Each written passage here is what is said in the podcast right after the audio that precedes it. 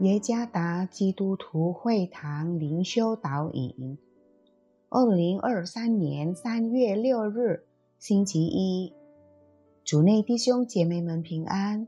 今天的灵修导引，我们要借着圣经《帖撒罗尼迦后书》第三章第六到十五节来思讲今天的主题：谨防懒惰。作者。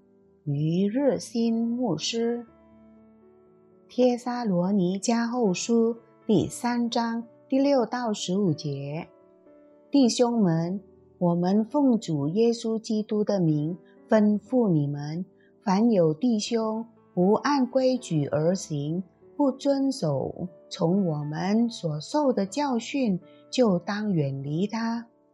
你们自己原知道。应当怎样效法我们？因为我们在你们中间未尝不按规矩而行，也未尝白吃人的饭，倒是辛苦劳碌，昼夜做工，免得叫你们一人受累。这并不是因我们没有权柄，乃是要给你们做榜样。叫你们效法我们。我们在你们那里的时候，曾吩咐你们说：若有人不肯做工，就不可吃饭。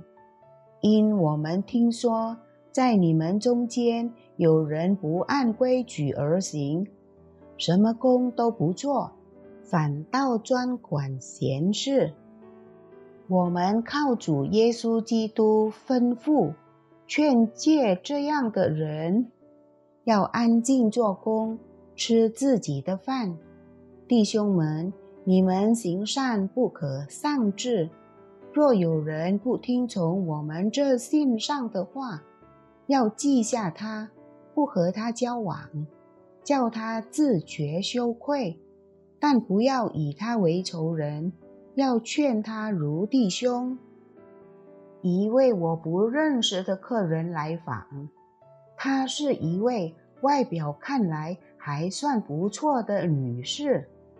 从几分钟的交谈中，我知悉这位女士遇到了麻烦，因为无钱付房租，她必须立即离开她的寄宿处。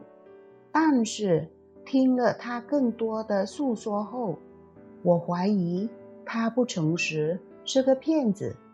他不是真的生活在困境中，他似乎有乞讨的习惯，特别是向基督徒乞讨。更有趣的是，他声称自己是信徒，相信上帝将赐福他。他按心里的感动走到了教堂，并相信。神会带领，让他得到帮助。然而那天他完全没有得到他要得的。作为信徒，我们应当帮助有困难的人，但我们也必须谨防那些外表虚伪、假冒、想不勤劳工作而得利的人。使徒保罗。给了我们一些建议。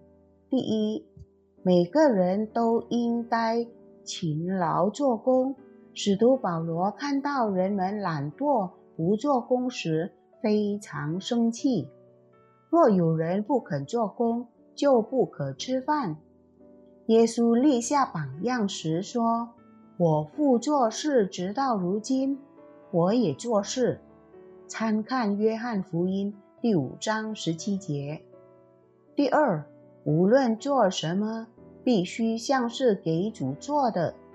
保罗说：“无论做什么，都要从心里做，像是给主做的，不是给人做的。因你们知道，从主那里必得着基业为赏赐。你们所侍奉的，乃是主基督。”参看哥罗西书第三章二十三到二十四节。